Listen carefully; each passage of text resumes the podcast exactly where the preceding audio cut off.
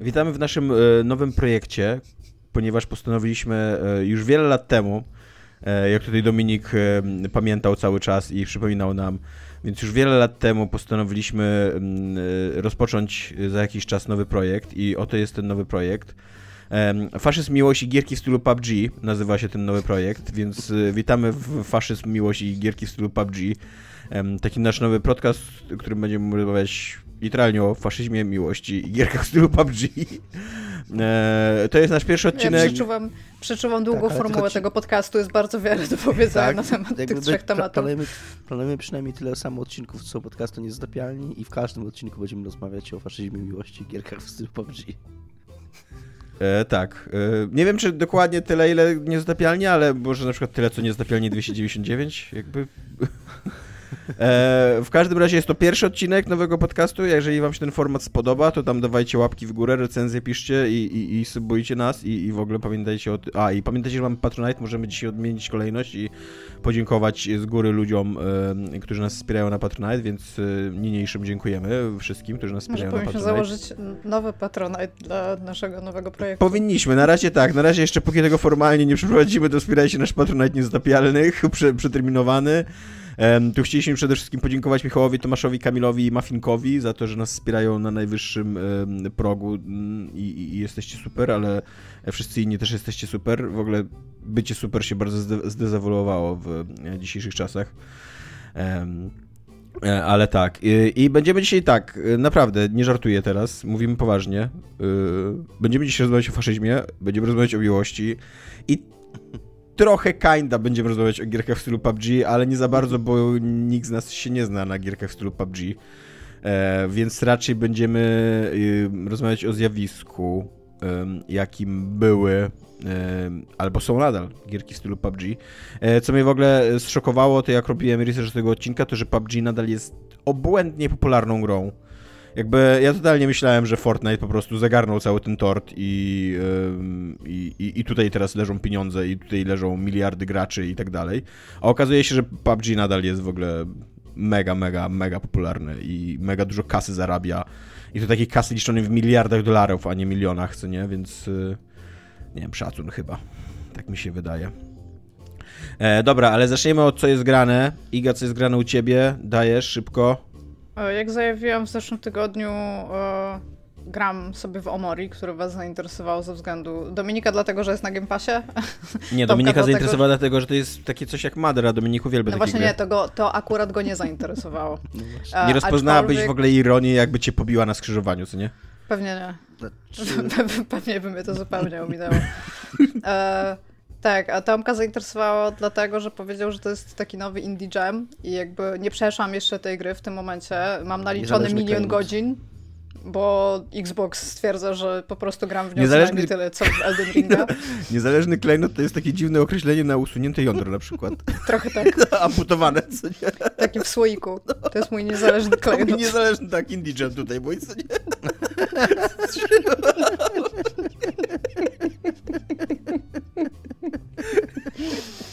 Więc tak. E, no, no, ale tam mam, mam milion godzin. Myślę, że tak naprawdę to mam może z 10-12 godzin ogólnie ograne. E, I tak samo, jeżeli ktokolwiek z Was grał w Mother lub Mother 3, tak? Earthbounda naszego, europejskiego, e, to ta gra też jest gigantyczna. W sensie Omori jest grą, która nie dość, że otwiera się dość szybko na bardzo różne możliwości i można sobie ten świat. On jest taki sami otwarty, więc można go sobie tam zwiedzać jak o 300-400 razy każda lokacja, bo po prostu otwiera, otwierają ci się nowe ścieżki, taki trochę Zelda-like się robi. To jeszcze przy okazji za, rog, za, za, każdym rogiem jest jeszcze więcej gry, więc jak już mi się wydaje, że dobra, to teraz to już po prostu idę w, po prostu do tego punktu, do którego mam iść, to się okazuje, że nie, że jest jeszcze 500 odnóg, w których mogę sobie jakieś minigierki porobić, albo zrobić jakieś takie małe jakby sidequestiki, które też się dowiedziałam, że postać, która sejwuje ci grę, trzyma ich listę. To nie jest bardzo logiczne w tej grze, ale okazuje się, że jak się trzy razy z nią porozmawia, to daje ci listę sidequestów, które masz w tym momencie aktywne. Więc to jest tam w porządku i daje ci nawet hinta, co możesz zrobić. A I tak jak mówiłam, ta gra się roz... ona się dzieje na takich jakby dwóch liniach czasowych, a właściwie trzech, bo pierwszy z nich to jest to miejsce, w którym się zaczyna i to jest takie, to się nazywa white space, to jest jakby taki metaforyczny, pokój, który jest po prostu całkowicie biały, w którym ma się dostęp do komputera i szkicownika. Jest taki jakby metaforyczny obszar snów albo przeszłości, kiedy główny bohater jest dzieckiem i jest jakby teraźniejszość, kiedy jest nastolatkiem. I oczywiście w tych okresach nastoletnich okazują się rzeczy, które stały się pomiędzy tymi okresami i one są dosyć dramatyczne.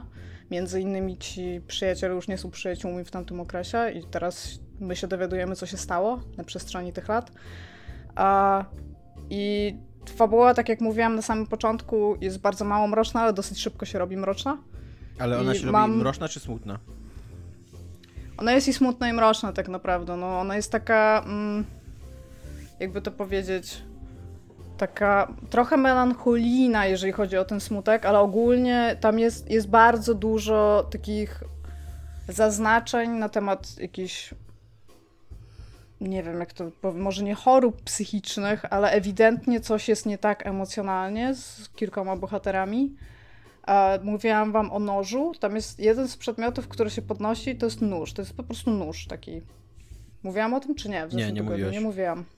I między innymi, bo to, to jest w ogóle bardzo fajny patent, mi się bardzo podoba. A ta postać, którą się gra, która nazywa się Omori w jednej linii czasowej, a ona atakuje nożem. I to jest po prostu nóż, taki, taki nóż, nie wiem, do steków, w sensie tak wygląda.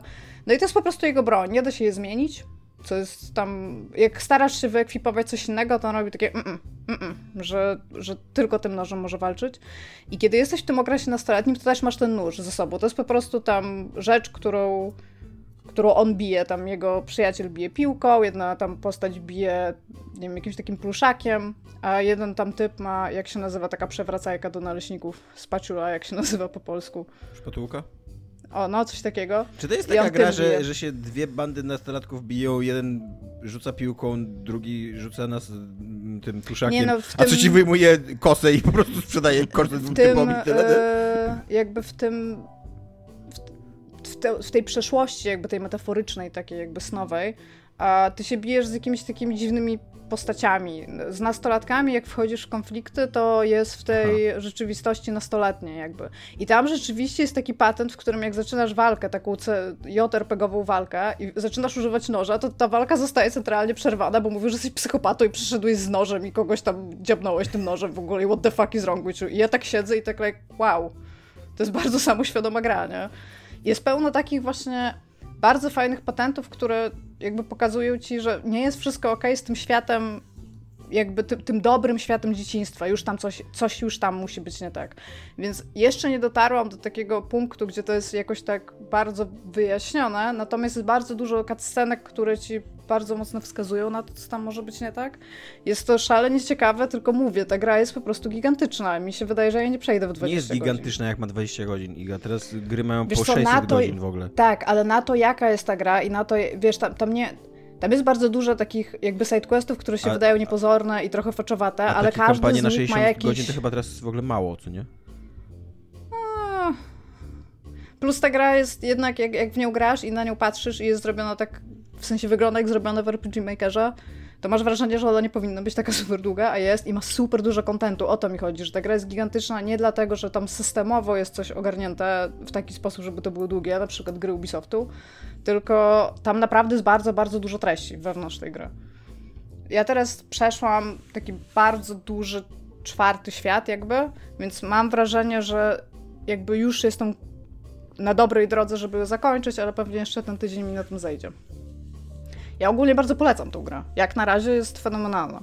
Jest y, fajnie, dobrze napisana, y, jest emo i wiesz, empatia. Znaczy wiesz co, y, ogólnie, ogólnie tak, tylko że pierwszy, pierwsze wrażenie, jakie ta gra sprawia, to jest wiesz, dzieciaki, które są przyjaciółmi i bardzo się lubią i tam ej, musimy tylko zrobić to razem i na pewno nam wyjdzie. Tylko, że to jest takie jakby podbudowanie tego e, jakby ogól, ogólnego sweet, takiego odczucia, które masz mieć wobec tych postaci po to, żeby zaraz wszystko mogło się zacząć walić, nie? Więc jak to przejdziesz, bo to jest takie trochę cukrowate w sensie wszystko, co się dzieje na samym początku. Jak to przejdziesz, to tam już potem zaczyna się dziać shit, że tak powiem. I mi się w to gra bardzo fajnie. Yy, Switaśnie gadających zwierzątek, burzających. Znaczy, jeżeli są sweetaśne zwierzątka, to napierniczasz je nożem po ryju, więc... y, Fair enough.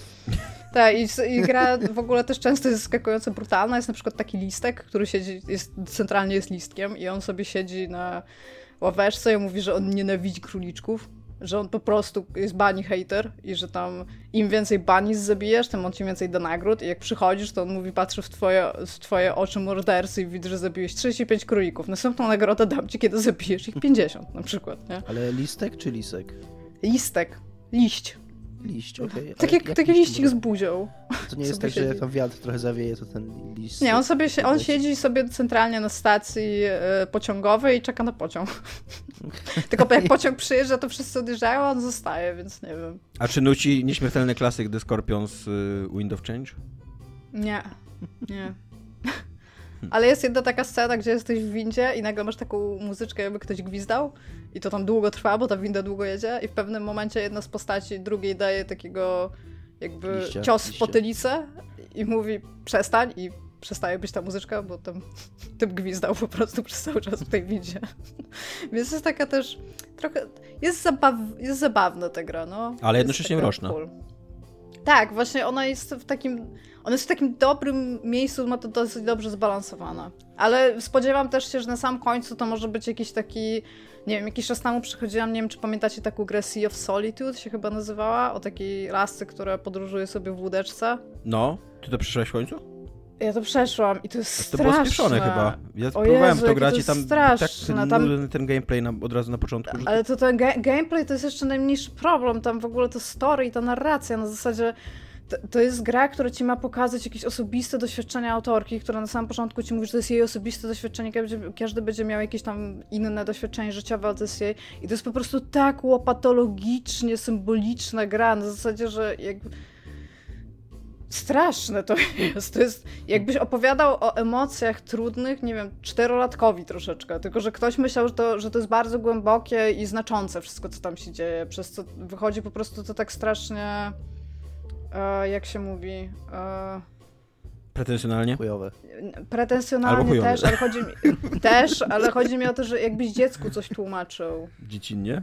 Tak, no dzieci. Patologicznie, nie wiem. Nie, bo patolo- jest takie jedno Patronizing, słowo. Że, ale nie pamiętam jak się O, na no, polsku coś po polsku takiego. mówi. Y, tak. Też zawsze zapominam to słowo, kurde. Protekcjonalnie. Protekcjonalnie, o właśnie tak.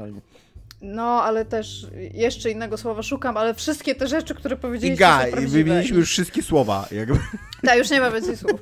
E, więc, więc jakby boję się, że Omori pójdzie w takie miejsca. Na zasadzie, że nie wiem, czy...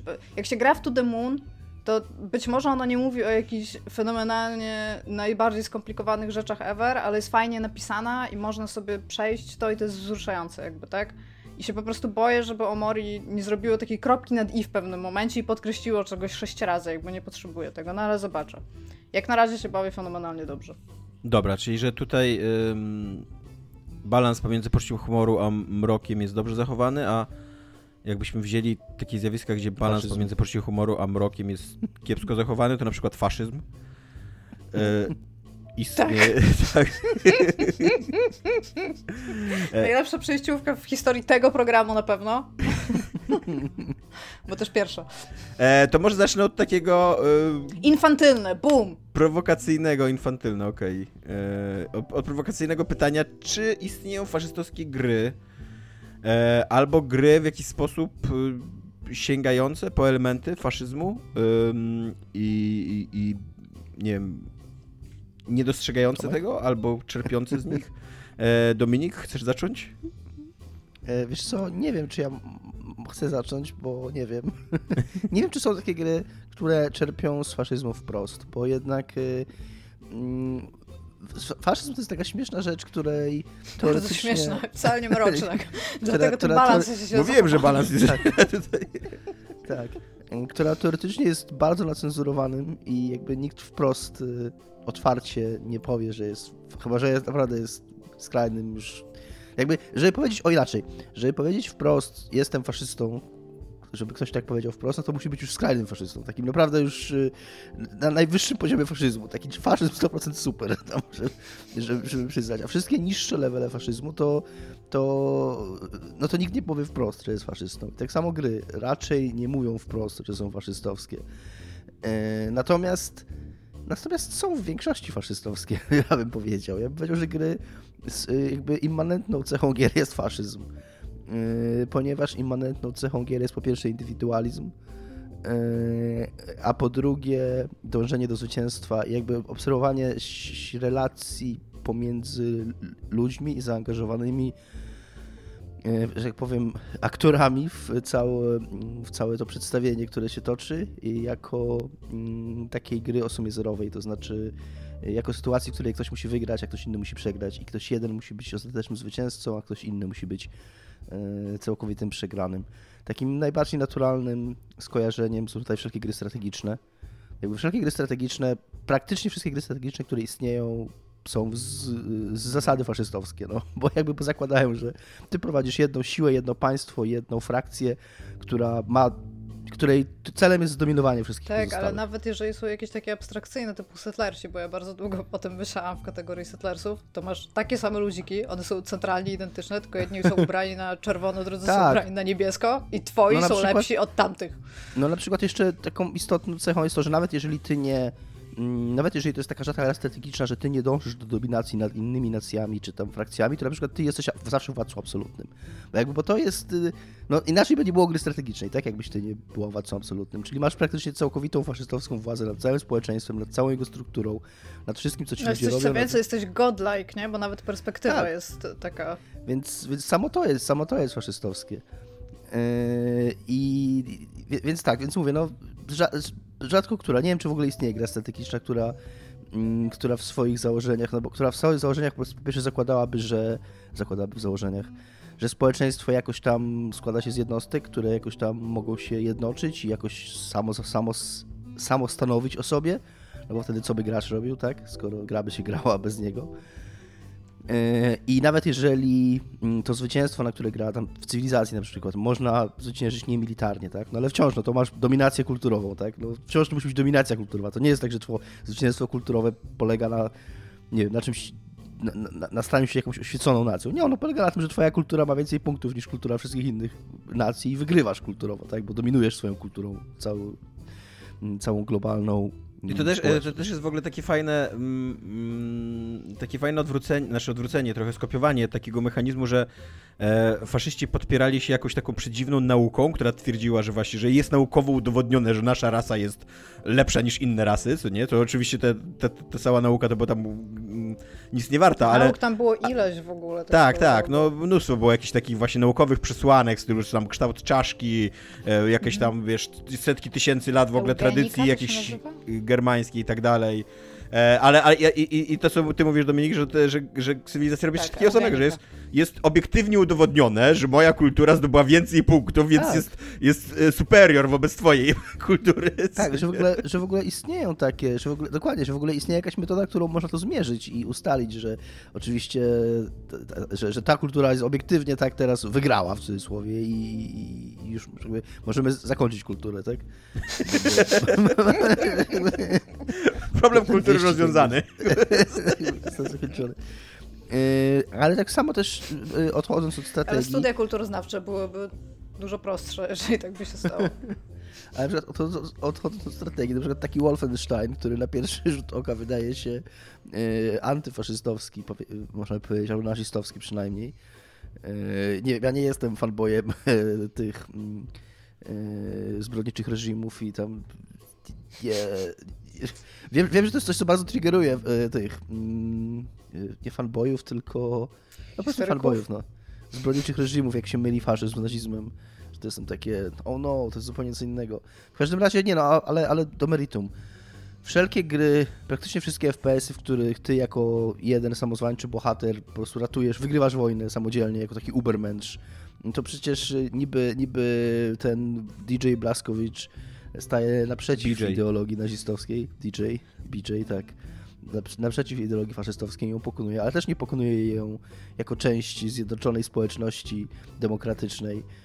E, też nie jest chyba wybrany w wyborach demokratycznych, tylko po prostu bierze, bierze Gana i sam siebie deklaruje. jeszcze, jeszcze z BJ Blaskowicem jest taki problem, że on totalnie wygląda jak taki bardzo stereotypowy aryjski nadczłowiek, w ogóle taki muskularny blondyn, kurde, dwa metry na dwa metry, co nie szerokości i wysokości. Tak.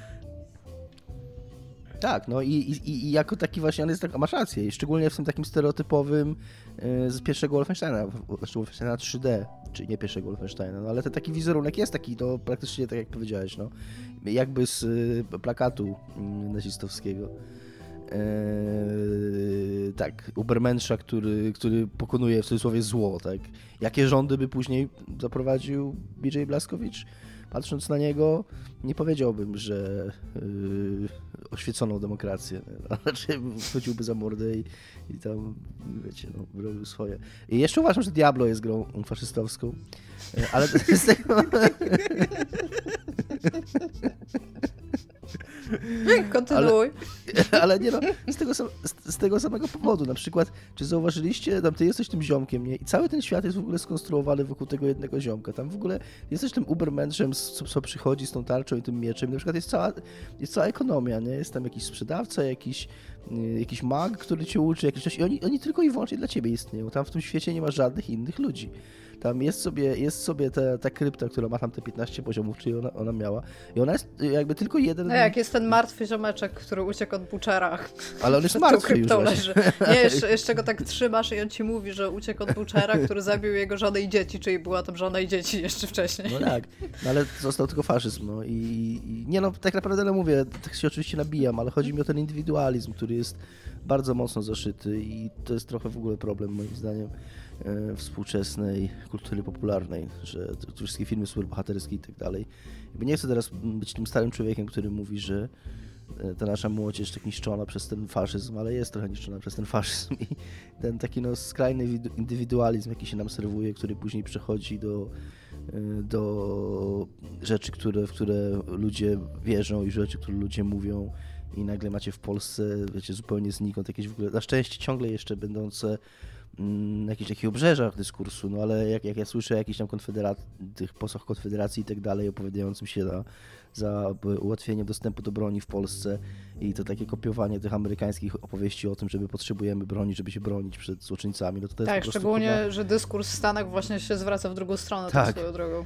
No to ja, ja jestem przekonany, że kurwa olbrzymia część tego przekonania to jest właśnie przekonanie wyjęte kurna z y, zbyt zgrania w gry i z oglądania filmów bohaterskich i takiego... Jest 24 godzin. Bycia, tak, i bycia takiego, takiego nabierania z, z latami przekonania, że, że tylko ja jestem odpowiedzialny za swoje szczęście to ja się swoje tutaj, Ja się tutaj włączę, bo ja właśnie, jeżeli doszukiwałem się faszyzmu w grach wideo, to jako, że lubię mm, modern shootery Faszyzm. i lubię Call of Duty, to przede wszystkim tutaj się doszukuje faszyzmu, bo to, co jest, to, co jest fascynujące w modern shooterach i to, co jest w ogóle fascynujące w takiej e, twórczości kina akcji albo quasi kina, no bo gierek akcji, komiksów akcji i tak dalej e, po 11 września, jakby tej, te, tego całego nur, nurtu, który zaczął powstawać po, po 11 września, to to, że to są teksty bardzo sceptyczne, jeżeli nie wrogie, wobec liberalnej demokracji. Jakby one mm, właśnie mają takie podejście, że liberalna demokracja to jest trochę taki system dla słabych, polityczny system słabości, co nie?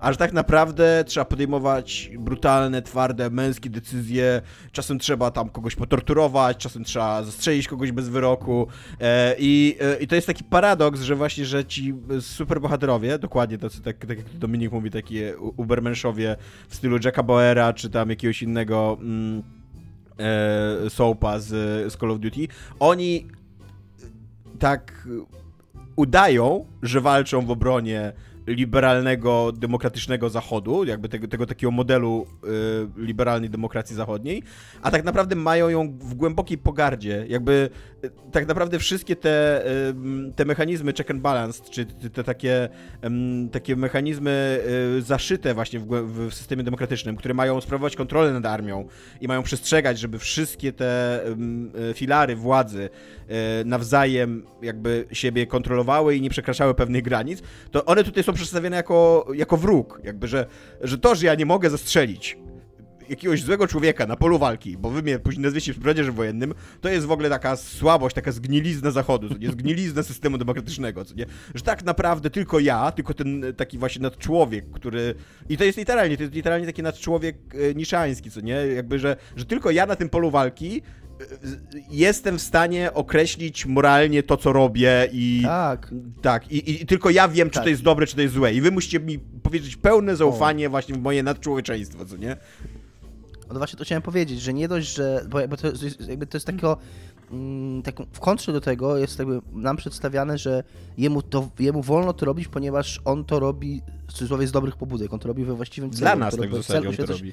Bo to świę, cel uświęca środki. Tylko, że to on jakby decyduje o tym, co jest dobre, a co złe i to on decyduje o tym, co to jest cel. Dokładnie, nie, ma, nie, tak. ma, żadnej- nie ma żadnej siły nad nim, która by, która by to A oceniała. w tych wszystkich, a w tych wszystkich takich filmach w stylu, nie wiem, Mission Impossible, czy właśnie jakieś e, 24 godziny, czy jakieś Splinter Cell i tak dalej, za każdym razem, jak pojawia się na przykład jakaś komisja senacka, która tam mówi, ej, ej, wiecie co, musimy zbadać, co wy robicie, co nie? Musimy zbadać, na co wydajecie miliardy dolarów, które wam dajemy, na te tajne akcje i tak dalej, to totalnie to są w ogóle czarne charaktery. To jest w ogóle e, teraz, e, tera, e, my, my robiliśmy to, co musi zostać zrobione, a wy tego w ogóle nie doceniacie, jeszcze nas tutaj jakoś chcecie kontrolować w ogóle.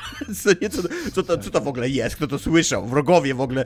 I, i, często oni są właśnie, te, te postaci są przedstawiane jako taki, nie wiem, tacy e, wrogowie narodu, coś takiego, nie? Jakby tacy e, właśnie ludzie, którzy nie rozumieją, jak daleko trzeba pójść, żeby obronić demokrację. Tylko, że problem jest taki, że być może to już nie do końca jest demokracja, jeżeli ci ludzie idą tak daleko i jednocześnie nikt ich nie może skontrolować w tej sprawie, jakby odbiera się im prawo do kontroli, znaczy odbiera się społeczeństwu prawo do kontroli nad, e, nad armią, nad siłami specjalnymi i tak dalej.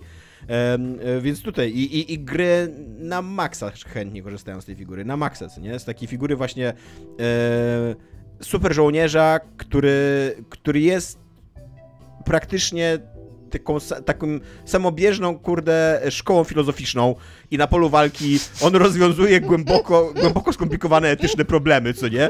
Czy mogę użyć broni chemicznej? I tam kij z tego, że, że, że prawo międzynarodowe mówi, że nie, co nie? On tutaj usiadł na tym polu walki, rozważył tą decyzję i, i podjął decyzję, że tak może albo nie, nie może, ale tylko on miał prawo ją podjąć. E, i, i, I to jest dla mnie e, no strasznie faszystowskie. I tak e, jakby ja tutaj jeszcze powiem coś takiego, że e, to nie jest tak, że ja się nie zgadzam, żeby teksty na ten temat istniały albo coś takiego, nie? E, tylko jest różnica pomiędzy tym, że ktoś napisze jakiś tekst yy, i, i stworzy dzieło, które jest tam kontrowersyjne, z którym się nie zgadzam i tak dalej, a jest różnica pomiędzy zalewem jakby takiego No myślenia. brak, taki, taki, taki, brakiem alternatyw Tak, dokładnie. szerokich tak, jakichś, nie? dokładnie, co nie? I, a, a, a właśnie FPS-y, growe FPS-y, praktycznie wszystkie przedstawiają tak, tak konflikty zbrojne, co nie? Jakby praktycznie armia y, nie znajduje się pod żadną demokratyczną kontrolą w, we współczesnych RP, y, y, FPS-ach takich wojennych, co nie? Jakby armia jest, istnieje sama dla siebie tylko po to, żeby toczyć wojnę, jakby to, to jest jej, y, to jest jej cel. A wie- Ale mi się wydaje, że właśnie problemem takim mm, zasadniczym jest nie tylko to, że FPS-y y, takie są y, i nie tylko to, że e, e, FPS-y takie są dominujące, tak jak mówisz, ale ja bym wręcz się posunął tak daleko i powiedział, że FPS-y takie być po prostu muszą Tak. w swoim założeniu, bo to jest takie słowo, które często pojawia się w y, zachodniej krytyce dotyczącej gier, czyli agency. Po polsku można by to określić jako, nie wiem, możliwość samostanowienia o sobie. Agencja. E, Agencja, E, czyli, czyli, czyli to, że gracz musi mieć wpływ na to, co się dzieje. Jakby e, zrealizowanie fantazji o, o człowieku z bronią, który mm, rozwiązuje problem, jakby wymaga nadania mu tego agency, wymaga nadania mu tej możliwości samostanowienia. Czyli, czyli jakby z definicji zabiera się wszystko, co jest nad nim. Jakby nie może, nie może stać nad tobą komisja senacka, która ci mówi, nie, teraz nie wolno ci strzelić do tego typa, bo zabiera ci to agency, więc już nie ma gry. To tak, jest, to jest w ogóle o tyle paradoksalne w przypadku gier wojennych, że jakby podstawową ideą, absolutnie podstawową ideą stojącą za armią jest dyscyplina, że e, No wykonujesz... tak, ale nie jeżeli jesteś jednostką specjalną. No, no, ale właśnie jako, nie, jako właśnie jedna jakby- jednostka. Jak, jak, jak, jak podejmujesz decyzje strategiczne, to często to są decyzje strategiczne w stylu okej, tych ludzi wyślemy na śmierć, ale dlatego, że na, na innej, w innej części frontu gdzieś odniesiemy dzięki temu sukces, nie? I jakby to, żeby, żeby ci żołnierze przyjęli rozkaz i go wykonali, jest absolutnie kluczowe. Nie? Tymczasem No chyba, że literalnie każdy żołnierz w FPS-ach nie wykonuje rozkazów. Tak. Albo robi to w sposób, którego, którego nie powinien robić, bo to też jest inna sprawa. Tak, Iga, e, gdzie ty się doszukujesz faszyzmu w grach wideo, ile w ogóle? Znaczy, no, powiedzieliście już bardzo, bardzo dużo. Ja jeszcze tylko, tylko właśnie Tomaszu, bo ja tego trochę szukałam i nie mogłam tego znaleźć. Ja nie wiem, czy ja miałam jakiś fever dream na studiach, ale jeden z tych jakby badaczy psychologowo-socjologowych w ubiegłym wieku zrobił taką listę na temat tego, jak, po, tylko właśnie nie pamiętam, czy jak powstaje państwo totalitarne, dyktatura, czy, czy państwo faszystowskie, bo między innymi pisał ileś tam punktów, które odnosiły się do kobiet. Mhm. Tylko nie pamiętam, czy to był Derrida, czy któryś, ale z tych takich jakby nowego pokolenia, że tak Jeżeli powiem. miałbym strzelać, ale nie kojarzę czegoś takiego, ale jeżeli miałbym strzelać, to, to pewnie był Ortega i Gasset. On pisał Też takie rzeczy. być to. No ale w każdym razie e, jakby sam fakt tego, jak bardzo gracze reagują na wprowadzenie do na przykład takich męskich scenariuszy kobiet i to tam pamiętamy z Battlefielda i wszystkiego innego, też jakby do tego trochę się odnosi, bo kobieta w krajach, ustrojach faszystowskich albo totalitarnych w ogóle, albo w jakikolwiek sposób, jakby ma coraz mniej praw i jej ciało jest zawłaszczane i to historycznie jest w każdym momencie, kiedy to się dzieje. A, I jakby jej decyzyjność również jest zawłaszczana i staje się tak troszeczkę pod człowiekiem. I jakby sam fakt tego, że jest mało kobiet w grach akcji szczególnie, znaczy teraz oczywiście jest więcej, bo rynek się troszeczkę zmienił, a, ale jeżeli chodzi o te takie w cudzysłowie historyczne, czyli Call of Duty, które wiadomo, że jest bardzo realistyczną, historyczną grą, bo ma realistyczną grafikę, a jakby też pokazuje duży związek tego właśnie z tymi takimi zasadami faszystowskimi. Kurde, ale muszę znaleźć e, tą listę, żeby móc... E, to jest, ja e, już ją znalazłem, to jest e, Umberto Eco. e, 14 O, cech Eco. faszyzmu. I mogę je no przeczytać to teraz, o, bo to o, dosyć o, o. krótkie krótkie jest. Dajesz. Jeden, kult tradycji. Dwa, odrzucenie nowoczesności. Trzy, kult działania dla samego działania. Cztery, niezgoda, e, niezgoda jest zdradą. Pięć, lęk przed różnorodnością, to jest chyba to, o czym mówisz. Sześć, odwołanie się do frustracji społecznej. Siedem, obsesja spiskowa. Osiem, wróg jest zarówno silny, jak i słaby.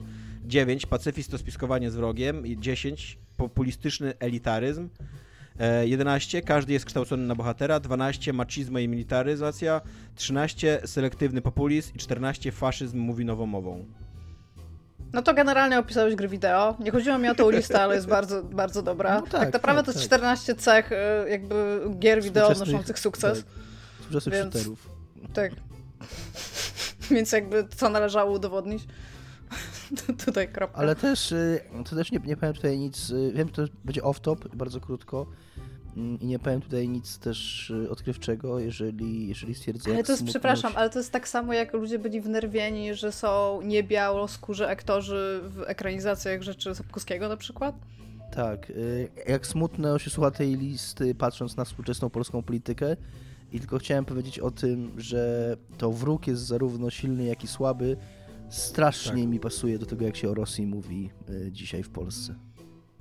I w ogóle o zagrożeniu z, wojskowym w stosunku do Polski właśnie ze strony Rosji. No ale my już romansujemy z takimi ideami od dłuższego czasu. Tak, jakby, tak. Więc...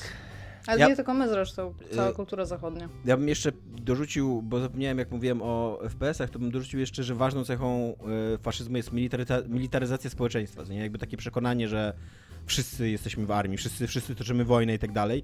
I to jest coś, do czego FPS-y współczesne bardzo literalnie dokładają swoją cegiełkę, bo całe właśnie takie propagowanie kultu broni, kultu munduru, em, ku, właśnie tego, że, że, że, że wszyscy jesteśmy na wojnie, co nie? albo przynajmniej, że wszyscy możemy się uzbroić, powinniśmy się uzbroić, Jest co wręcz skrajną, skrajną... The Division 2 Skrajnym wprost. Właśnie o tym chciałem powiedzieć, dokładnie to właśnie chciałem powiedzieć. E, bo tak, bo Znaczy, no też dla tych, którzy nie wiedzą, pod to uwagę, The Division że- 2 wprost y, w trailerze, czy w grze już samej, Dominik, ty będziesz wiedział? W intrze, to jest intro do gry. Tak, zadawało pytanie, czy masz broń, czy nie powinieneś mieć broni, zastanów się, kup z broń teraz, nie? Tak, tak. I tam jeszcze taki kliknij tu, żeby kupić broń. Nie, tam jest, tam jest dokładnie, nie pamiętam, no prawie, praktycznie to jest dokładnie cytat, że mówią, że twój sąsiad ma broń, czy ty masz broń, czy coś takiego. Takie przedstawienie właśnie, że nade, prędzej czy później nadejdzie taka sytuacja, że trzeba będzie wziąć tą broń i wyjść się strzelać i musisz być na to gotowy. Mhm. I co, jesteście? E, ja nie, ja jestem zupełnie niegotowy. Zatem wątpię, żeby któryś mój sąsiad miał broń, szczerze mówiąc. Nie wiem, no trzeba też wziąć pod uwagę, że bardzo dużo z dzieł popkultury, już nie mówię o samych grach, jest w jakiś sposób używane do tego, żeby mieć nowych rekrutów w armii amerykańskiej. I jest to tak. Jakby to nie jest nic tajnego, więc jo. Ale wiesz co, Iga, ci powiem, bo też tak rozmyślając nad tym, trochę wrzucę ogródek do, znaczy ogródek do twojego kamyczka wrzucę, tak. Dziękuję. Znaczy chciałam mieć ogródek. Czekaj, mam tu, mam tu trochę kamyczków. E, że wydaje mi się, że problem z faszyzmem ma trochę twórczość postapokaliptyczna. E, jakby post-apo jako, jako, jako Powiedziałbyś. gatunek. Wiesz Nie. dlaczego? Mam, wiesz dlaczego? Dlatego, mam że... Mam też znaczy, Ty pewnie już wiesz, skoro tutaj robisz taką minę i w ogóle... I, nie, no bo oczywiście, jeszcze, tak, tak, jeszcze 40 minut nie. temu twierdziłaś, że nie wiesz, co to jest ironia. A teraz co? A teraz już biegła w no ironii? No bo, tak, szybko się uczę. E, jakby postapokalipsa jakby pokazuje fakt, że jakby będzie jeszcze gorzej, tak? Możemy zniszczyć cały świat i będzie jeszcze gorzej właśnie dlatego, że w pewnym momencie do jakby władzy dojdą te takie wielkie, silne jednostki, które dookoła siebie zrobią właśnie taki system trochę właśnie, Właśnie tak, zasadzie, jakby, tylko że pod tym względem to jest moim zdaniem sensowne jakby, co nie, że, że postapokalipsa pokaże, że, że w upadłym społeczeństwie będzie jeszcze gorzej. Tylko, że to, co mhm. mam, to z czym mam problem, to, że dużo dzieł postapokaliptycznych pokazuje coś takiego, że de facto faszyzm działa, co nie? że, że przynajmniej te społeczności faszystowskie są jakby zorganizowane, dobrze się bronią, um, są bezpieczne dla swoich tam znaczy, mieszkańców i tak, tak dalej. ale to, to zależy, bo, to, bo jakby tak, tak to jest pokazane, dlatego że najczęściej ci ludzie po prostu siłą zabierają, e, jakby to powiedzieć, e, dobra, które jakby albo produkują, albo robią inne społeczności, które nie są nastawione na konflikt, bo najczęściej te te społeczności w twórczości postapokaliptycznej dostają po dupie, czyli wszystkie, nie wiem, takie bardziej socjalistyczno-lewicujące jakby. I wszystko jest im jak w cudzysłowie, znaczy w cudzysłowie, dosłownie zabierane, zabierane siłą, tak? I w związku z tym te ugrupowania nacechowane faszystowsko lub autorytarnie, o w ten sposób, e, prosperują lepiej, nie? Tylko, że w tej twórczości najczęściej to są bad guys. Bo tam nawet jak masz. Yy, nawet, na, weźmy sobie nawet ten ba bardzo nierealistyczny uniwersum falloutowe, nie? Jakby jak masz Brotherhood of Steel, no to Brotherhood of Steel to są, znaczy, to są złomasy, no ogólnie bardzo ich, bardzo ich nie lubię. A, ale oni, wiesz, oni, ich misją jest ocalenie technologii i będą ocalać tą technologię nad ludźmi jakby, nie? Masz NCR, które jest jakby militarną skrzydłem odnowienia Stanów Zjednoczonych, które chcą jakby wrócić do tego, co było, ale jakby wciąż prosperują właśnie na tych samych, kultywują te same zasady i tradycje, które stworzyły te Stany Zjednoczone, które mamy w tym, w tym momencie. Czyli też jakby w, in the long run nie będą, nie, nie będą za dobrze działać. I ty jako zwykle ta postać, która jest pośrodku tych wszystkich Nie, masz jeszcze przede wszystkim enklawę, która tam jest wprost chyba faszystowska. No ale enklawa to jest, tak, no enklawa to... I to miasto w Falloutie 2, które jest takie rasistowskie, jak ono się nazywa? Vault 11. No, Vault City. Ono się, a, Vault City właśnie.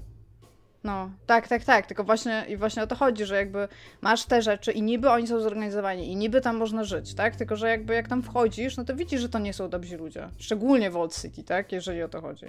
I Gule z Gecko na przykład, nie? Które przez błąd w grze zawsze na samym tak, końcu tylko, że, tylko że jeżeli w tej fikcji yy, czy to w Falloutie, czy w podobnej są ci dobrzy ludzie, jeśli oni się pojawiają, to oni się pojawiają jako przegrani, jako... No tak, jako... właśnie. No, ale właśnie o to mi chodzi, bo to, to jakby społeczeństwo postapokaliptyczne najczęściej jest właśnie nacechowane tymi rzeczami, które wymienił Eko, tak? Bo, bo tak musi być, bo to jest świat, który nie będzie ze sobą współpracował i silniejszy zawsze zmiażdży tego słabszego. I na przykład w Falloutie 2 ta twoja wioska Arroyo przecież zostaje zmieciona z powierzchni ziemi, a to, to była normalna społeczność tam pacyfistyczna, która po prostu chciała sobie hodować ziemię i wysyłają cię po walizkę z odczynnikami, które uczynią, że ziemię żyzną. Jakby co jest w tym złego, nie? A potem wracasz, a nic nie ma w tej wiosce. O, spoilery w ogóle z 98 roku, jakby co to przepraszam.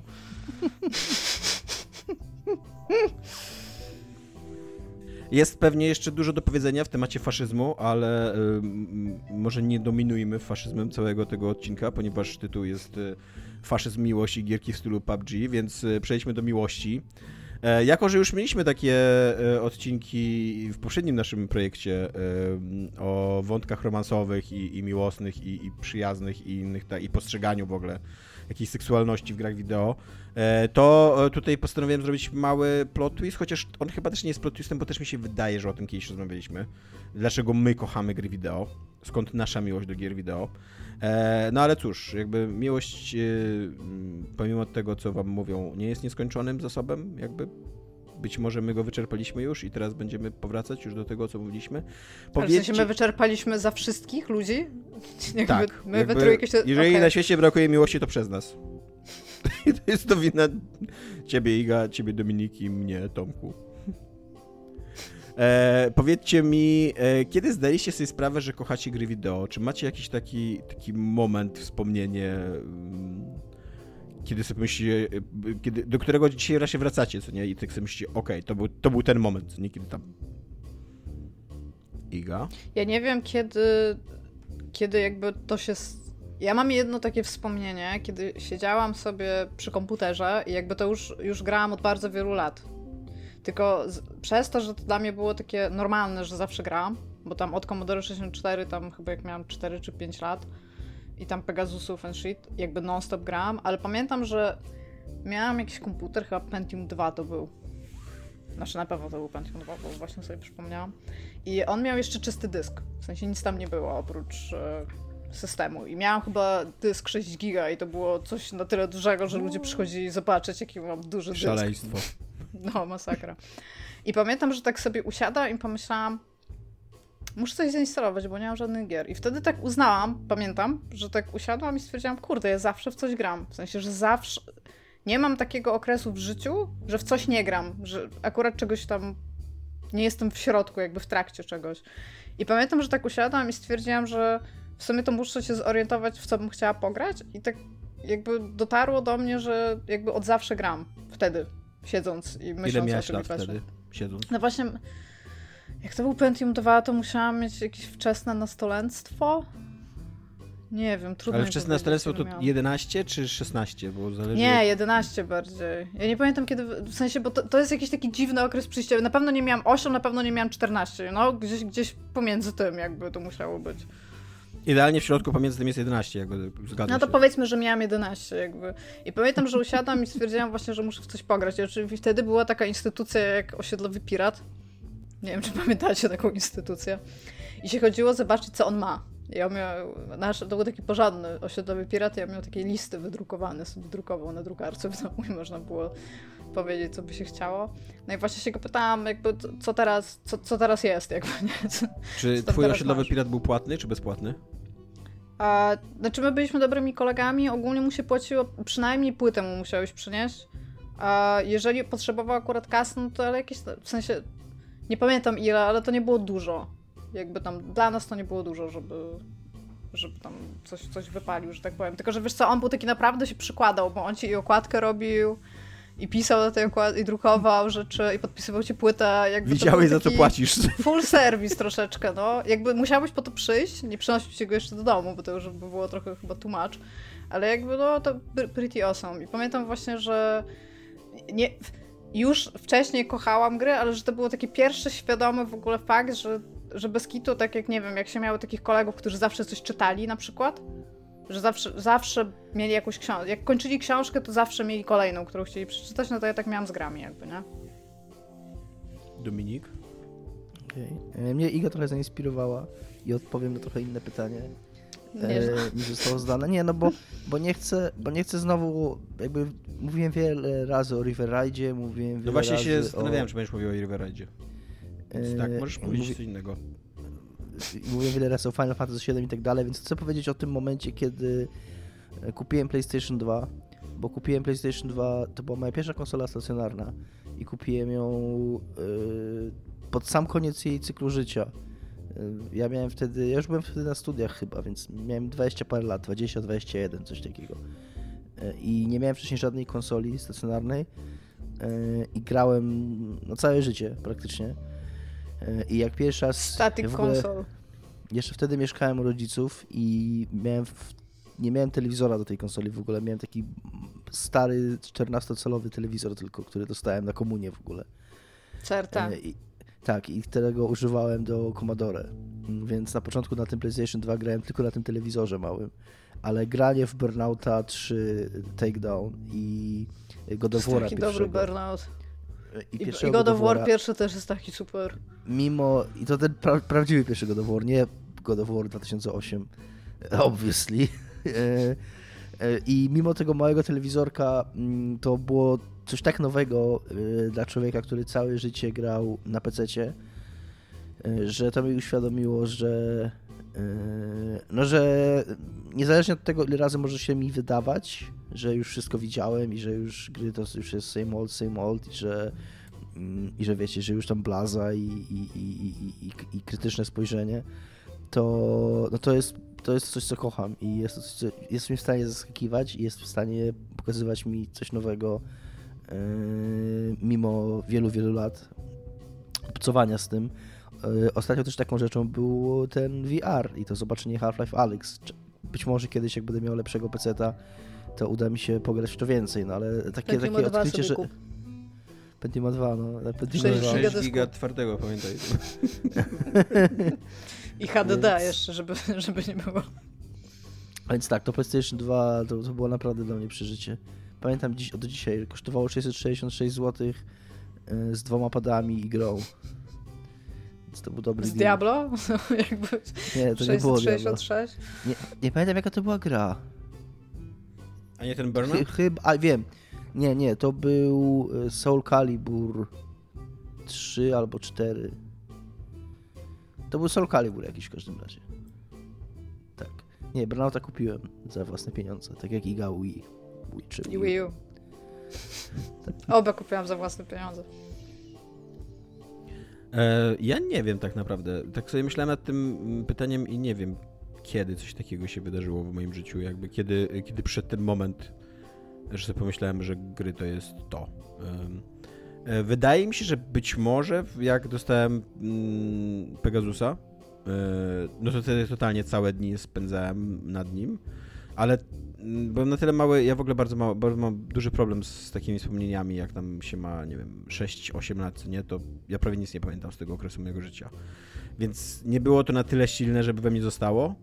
E, Na pewno już byłem na takim etapie w momencie, kiedy grałem z. y, To jeszcze w niższych zagrywkach opowiadałem tą historię z moim przyjacielem Marcinem.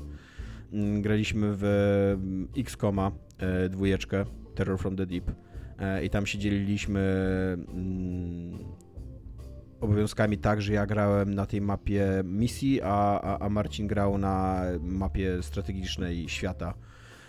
I, e, i siedzieliśmy obowiązkami. I to, to, to jest bardzo silne we mnie wspomnienie i ono się wiąże z gierkami, ale wydaje mi się, że ważniejsze było dla mnie to, że literalnie gramy we dwójkę, nie? że to było takie mocno przyjacielskie m, doświadczenie.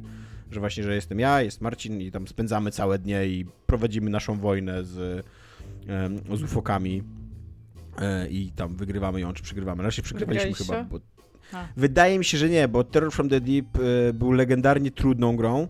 E, Zresztą z bardzo złych powodów był trudną, bo po prostu UFO 1 było za łatwe i tam spadła krytyka na, na studio, że, że, mm, że, jest, że jest za łatwa ta gra.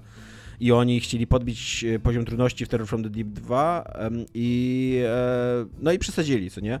A że wtedy to były gry, kiedy nie dało się łatwo spaczować, nie dało się łatwo zbalansować gry, która już wyszła, to ona została taka absurdalnie trudna. Więc wydaje mi się, że jak ja miałem, nie wiem, z 10-12 lat, to raczej dostawaliśmy w pierdziel, co nie? Aczkolwiek to była, to była jeszcze z starej szkoły gierka, gdzie można było saveować literalnie w każdym momencie, co nie? Po prostu tam wchodziłeś do menu i, i, i naciskałeś save, więc wydaje mi się też, że możliwe, że wygrywaliśmy na takiej zasadzie, że po Save prostu... z, kamerza- z kamerami. Tak, dokładnie, że cały czas saveowaliśmy, co nie? E, i, I tak naprawdę nie odkrywaliśmy, gdzie są ufoki, nie reagowaliśmy na to, gdzie one są, tylko po prostu szliśmy do przodu, okej, tam będą ufoki, i później zapamiętywali już na pamięć, co nie, że tutaj będzie Mhm. przeciwnik, tam będzie przeciwnik i tak dalej, co nie? Mm, graliśmy.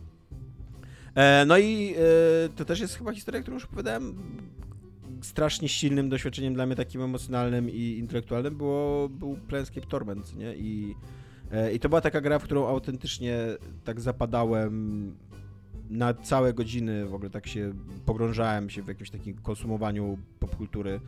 E, I to jest w ogóle coś, co chyba wszyscy, wszyscy uwielbiają, jakby każdy człowiek lubi tak zapominać o całym świecie dookoła i czuć, że, że jest w innym świecie i przeżywa ten inny świat. To jest ulubio- ulubione słowo Dominika. Dominik, daj swoje ulubione słowo.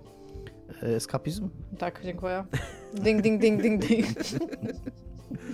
Tak, więc, y, więc, więc być może to był ten moment y, i to już było na jakiś, jakoś jak byłem w liceum, to był jakiś, miałem musiał mieć z 15-17 lat. Pamiętam, że byłem na tyle nawiedzony, że em, centralnie jak tam przyszedłem tą grę i tam był ten końcowy, końcowy filmik, e, w którym bezimienny wychodzi tam na, te, na, na pole bit, takiej wiecznej bitwy i, i już wiesz, że on musi jakby przynajmniej przez kilkaset lat, jak nie całą wieczność, y, odkup, odkupywać swoje przeszłe grzechy w tym tartarze i, i, właśnie uczestniczyć w tej wiecznej wojnie. I tam wtedy w tle jeszcze jest wypowiadane to pytanie, tam, cóż może zmienić naturę człowieka, co nie. To ja byłem tak podniecony tym filmikiem, że na imprezach pokazywałem ludziom ten filmik w ogóle, nie, na imprezującym, na, na, na, nabuzowanym hormonami nastolatką. ja wiecie, jak, jak brałem je, ej, ej, mam tutaj dla was, kurde, super filmik do obejrzenia. nie, więc, e, więc być może nie byłem e, najlepszą partią na tych imprezach i najbardziej jakby, ludzie być może myślę, unikali. Jest, to jest myślę o tekst, tym- który będę mówić. Jestem najlepszą partią na tym party. Dziękuję. Torment Tides of Numenera wszedł do Game Passa na Xboxa. Mm, Trochę się zastanawiam, czy spróbować tej gry jeszcze raz. Też trochę się zastanawiam. Ona nie była jakaś zła? Bardzo? No właśnie jest zła, ja się, ja, ja z, nie, nie, nie, nie doświadczyłem jej przez całe swoje życie z powodu Dominika Gąski tutaj, który mi wielokrotnie powiedział, żebym nie grał w tą grę. Tak, tak. Ja też z tego samego powodu nie doświadczyłem. E, i, I trochę. I trochę. Musisz mnie gadać z Dominikiem, Dominik. No to prawda, to prawda. E, ale trochę mam ochotę spróbować jeszcze raz. Może to zrobię. Dobra, a pytanie w kategorii co by było gdyby. Czy wyobrażacie sobie swoje życie bez gier wideo? Nie. Iga zrobiła minę, taką jak żaba Znaczy, trochę. bo, bo teraz tak się zastanawiam, że... No bo jakby są ludzie w naszym, z naszego pokolenia, w naszym wieku, co nie? którzy po prostu nie grają. Czy wyobraźcie O sobie, że moglibyście być takimi ludźmi? Ja, po pierwsze, to bym była bardzo biedna, bo... Znaczy nie, w sumie bym była bardzo bogata, jak teraz o tym myślę, bym została w IT i nie poszłabym nigdy do game devu. Ale na pewno byłabym bardzo smutnym człowiekiem.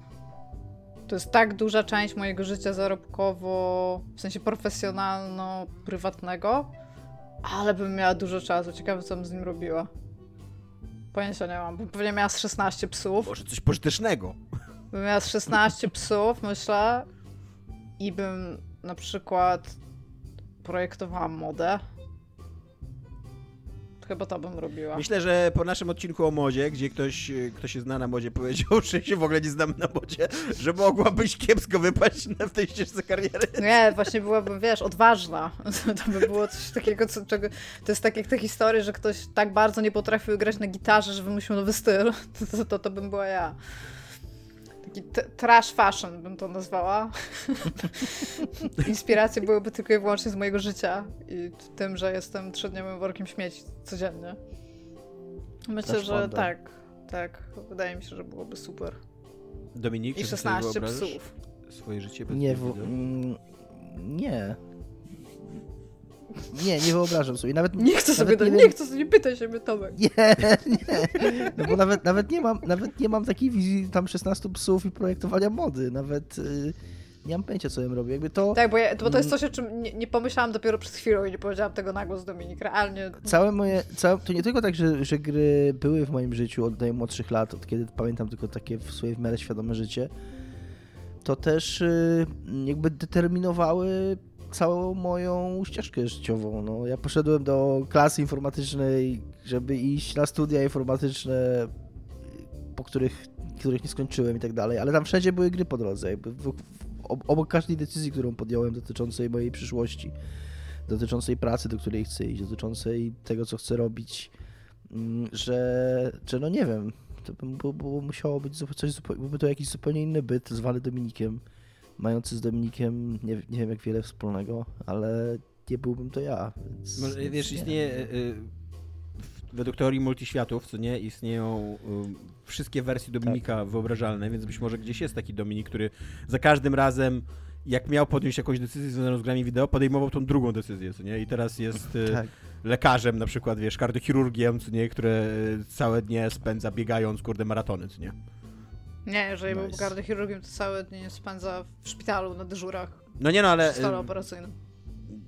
No nie no, załóżmy, że jednak prowadzi zdrowy tryb życia jakiś, więc tam kardiochirurguje Jak jesteś lekarzem, to dwa dni w tygodniu. Z chir chirurg chirurgiem, to Iga, ale bardzo ty trudno mówisz o... prowadzić zdrowy Iga, tryb życia. Ale ty mówisz o naszym, my, my mówisz o naszym świecie, a my mówimy o tym hipotetycznym Tak, dobra, jeżeli to jest jeszcze świat, w którym chirurdzy mogą sobie codziennie biegać maratony, tak. a nie być w szpitalach, Dokładnie. to to jest inny świat, rzeczywiście.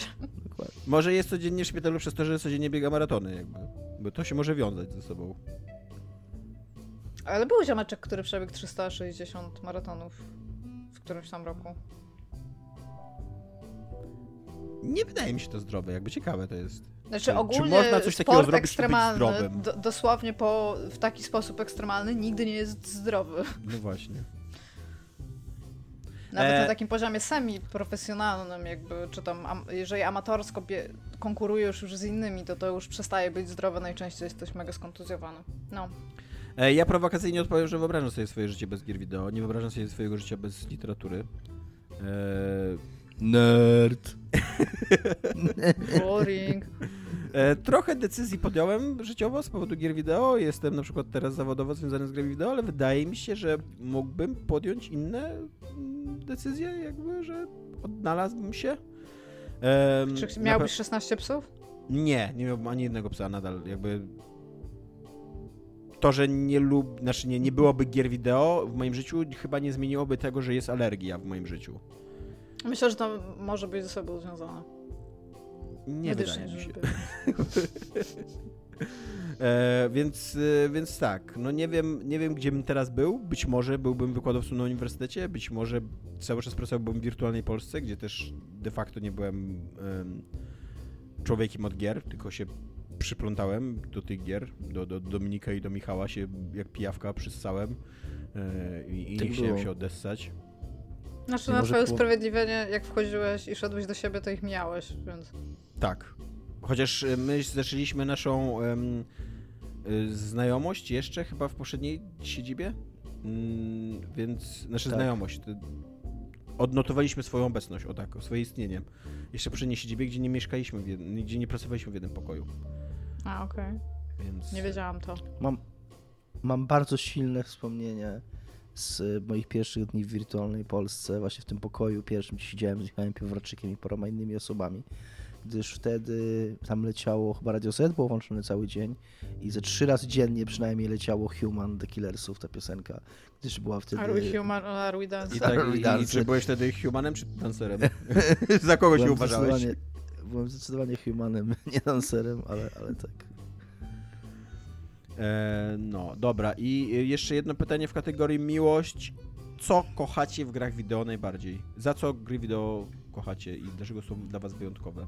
I ym, Iga, ty teraz go. Za siebie. Nie, no za interaktywność, za fakt, że moje działania powodują, że coś się zmienia i że nie są medium biernym. E, a wciąż Czyli za faszyzm, w jakiś de facto. sposób wyobraźni. Jest to medium też najbardziej złożone z tych, które z nami lubię. Śmieszne, śmieszne. Za Czyli faszyzm, tak, kochasz za faszyzm. Za to, o czym rozmawialiśmy tam 40 minut temu, że wiesz, nie, bo nawet dają nie ci twoje agency, agency za agencję, tak. tylko za, za możliwości interaktywności, jakby w ten sposób. Szczególnie, że no, ja uważam, ja, ja, wiem, że to tak każdy pewnie będzie uważał, ale ja uważam, że to było bardzo fajne, że mogłam uczestniczyć jakby w giereczkowaniu od tam jakiejś połowy lat 90., kiedy te gry były troszeczkę mniej na zaawansowanym, że tak powiem, etapie technologicznym i dużo rzeczy trzeba sobie było tam dopowiadać, te systemy były takie troszeczkę gorzej zdesignowane, jakby nie, nie tak bardzo pod gracza. I mam było, było to medium na pewno bardzo magiczne i ciekawe. Dużo ciekawsze i dużo bardziej magiczne niż filmy i literatura dla mnie. Aczkolwiek literatura jest jakby second best, tak? Jakby jeżeli bym miała mieć problem z jakimkolwiek medium, no to wiadomo, że to będzie kinematografia, bo jest po prostu bierna i też sobie z tym trochę nie radzę, przez to, że jestem wychowana na grach. No, no i jakby głównie, głównie za ich cechę definiującą, czyli za fakt możliwości uczestnictwa aktywnego w rozwoju wydarzeń, o w ten sposób. Dominik? No ja nie mam nic mądrzejszego do powiedzenia od Igi, bo mniej więcej za to samo, może spróbuję powiedzieć to samo, yy, otwieram nową sekcję, Domek odpowiada na, to sam, odpowiada na pytanie w ten sam sposób co Iga, tylko innymi słowami. I obraża e, Iga. e, czyli mm, ta immersja, za przeproszeniem, czy, czyli to, że to w jaki sposób y, ja mogę czuć się uczestnikiem tych wydarzeń, y, które, które są tam przedstawione. Czyli ja też y, jakby, ja też bardzo łączę, tak jak chyba Tomek, chyba mniej niż Iga, łączę swoje zamiłowanie do gier wideo z zamiłowaniem do poznawania historii, dużo bardziej niż z zamiłowaniem do, do, samej, do samego grania, do samego aktu, nie wiem, mm, strzelania tym ludzikiem naciskania guziczków, tylko bardziej do tego zamiłowania do, do poznawania ciekawych opowieści i że to medium... Czyli ty nie lubisz strzelać, inne... ale lubisz wiedzieć, dlaczego strzelasz. Tak, dokładnie, dokładnie. Okay. I, że, I że to medium jak żadne... Znaczy lubię strzelać, nie jest tak, że nie lubię strzelać. Yy, jakby jest Czyli ty też lubisz gry wideo za faszyzm. ale, ale, ale jakby ważniejsze, ale ważniejsze dla mnie, przynajmniej kiedyś, teraz może się to zmienia też z czasem, ale E, na początku najważniejsze dla mnie było właśnie to, dlaczego strzelam i to, że, i to, że mogę poznawać tą historię, tę historię mm, w sposób nieporównywalnie silniej, e, nieporównywalnie silniej wiążący mnie z nimi osobiście niż to było w przypadku literatury. No jesteś zaangażowany czy, czy przede wszystkim, nie? Tak, tak, tak, tak. Więc to jest to sama odpowiedź co Iga, tylko innymi słowami.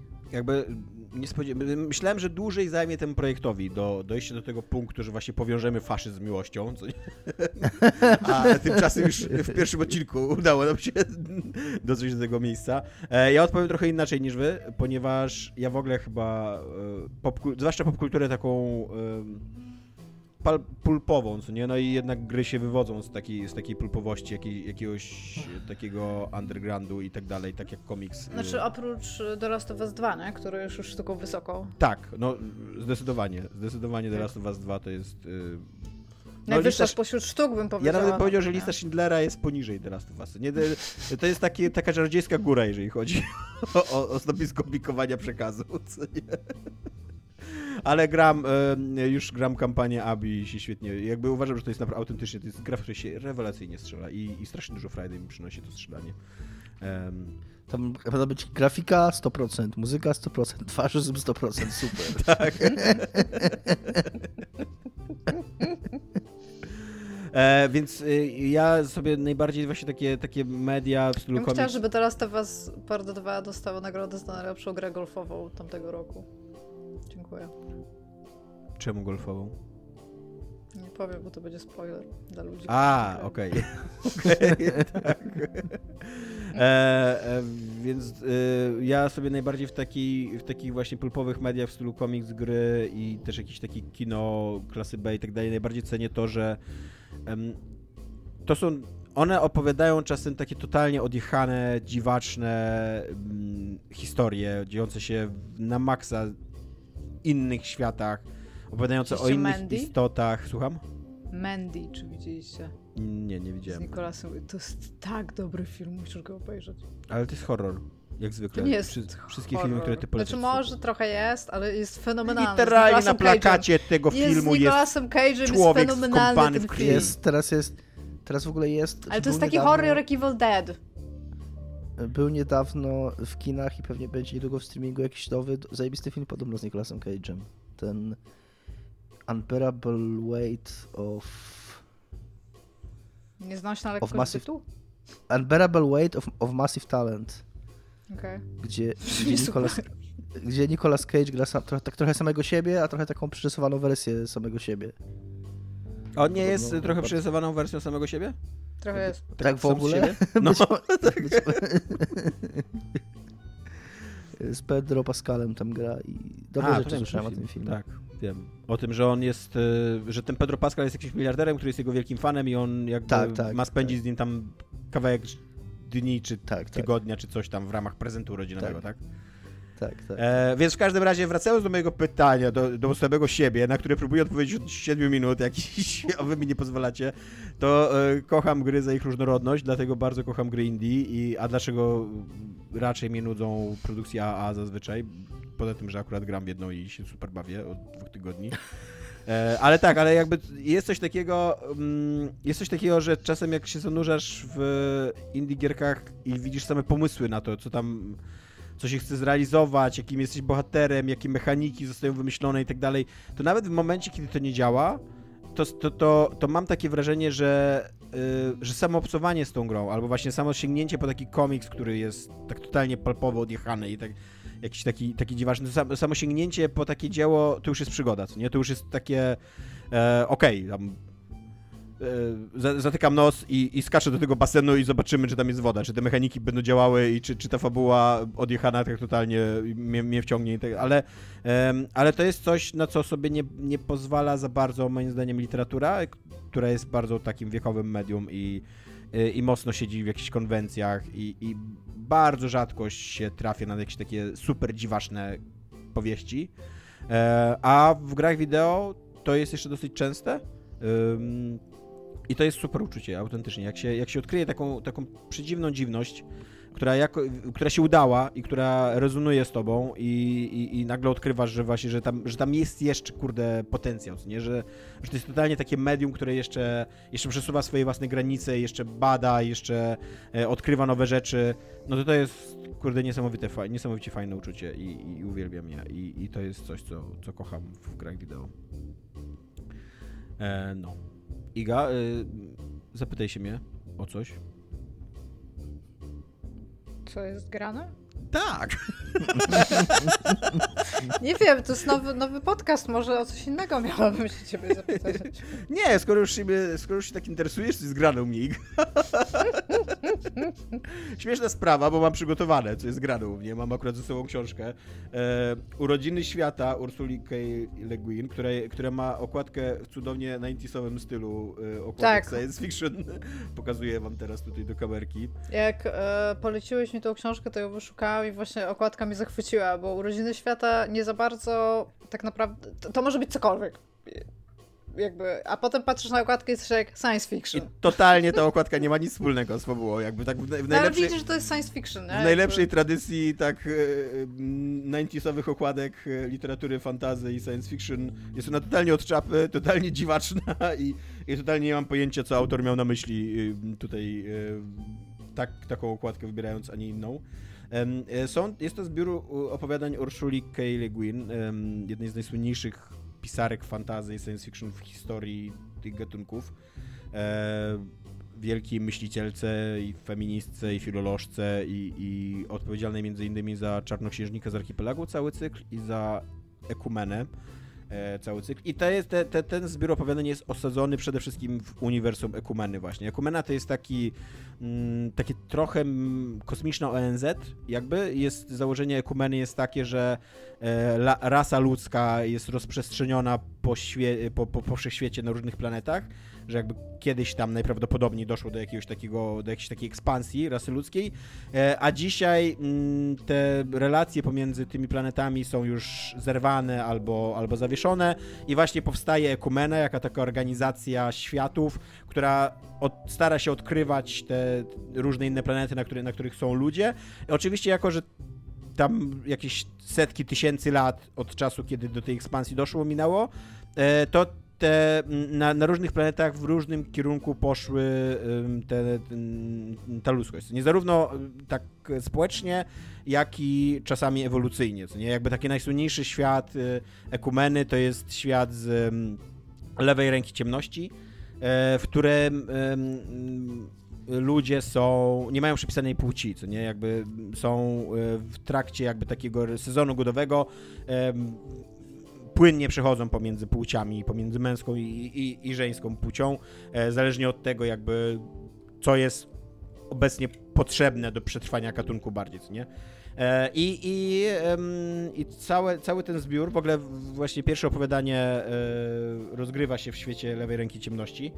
E, I, I swoją drogą opowiada o super, super taki szczegół, jak wygląda dojrzewanie płciowe w takim, w takim świecie, w którym nie masz na stałe przypisanej płci.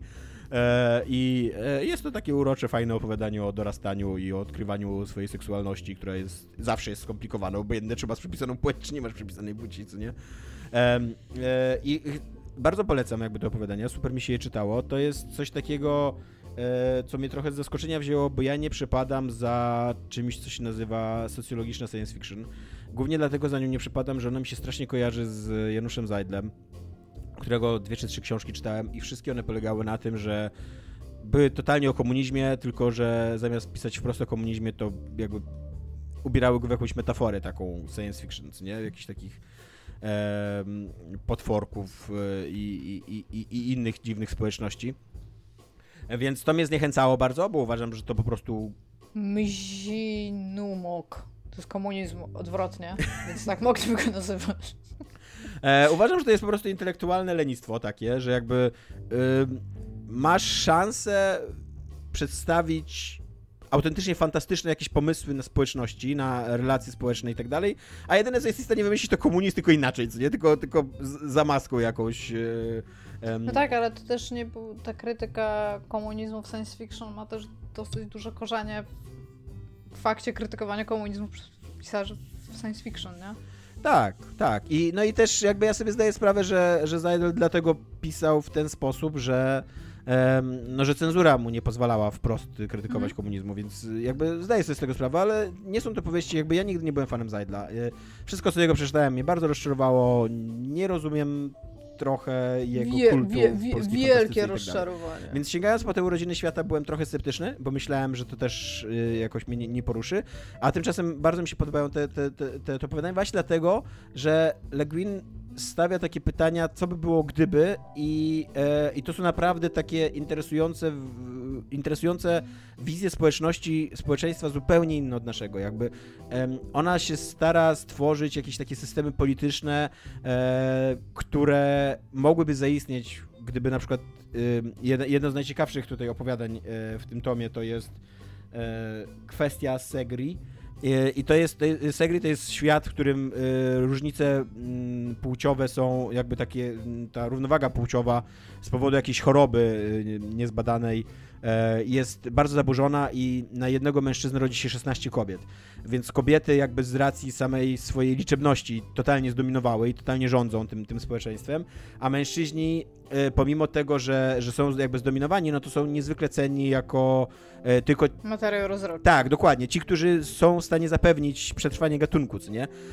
I jest to takie bardzo, bardzo interesujące, ciekawe i zabawne miejscami odwrócenie ról, gdzie jakby uważa się, że ten jeden mężczyzna na 16 jest zbyt cenny, żeby on na przykład tracił czas na jakąś tam edukację, co nie, czy, czy coś takiego, tylko on powinien, on powinien, e, mężczyzna to powinien być takim prawdziwym mężczyzną, powinien być męski i powinien służyć kobietom, co nie, i e, no ale tak jak mówię, tak przy okazji Le Guin dobudowuje całą taką warstwę społeczną, jakby autentycznie zastanawia się, jakby taka cywilizacja mogła działać. E, i, I tu konstruuje właśnie, jak społeczność mężczyzn odizolowana od społeczności kobiet y, byłaby y, y, zbudowana, bo jakby jako, że mężczyźni nadal są fizycznie silniejsi od kobiet, to um, kobietom zależałoby, żeby oni jakby żyli sami ze sobą, nie? żeby nie byli dla nich bezpośrednim zagrożeniem, a że miałoby przewagę liczebną, taką, to, to mogli, mogły narzucić taką, taką, taką, taki porządek społeczny. Nie? E, jest też super ciekawe opowiadanko, um, które ma tytuł Samotność.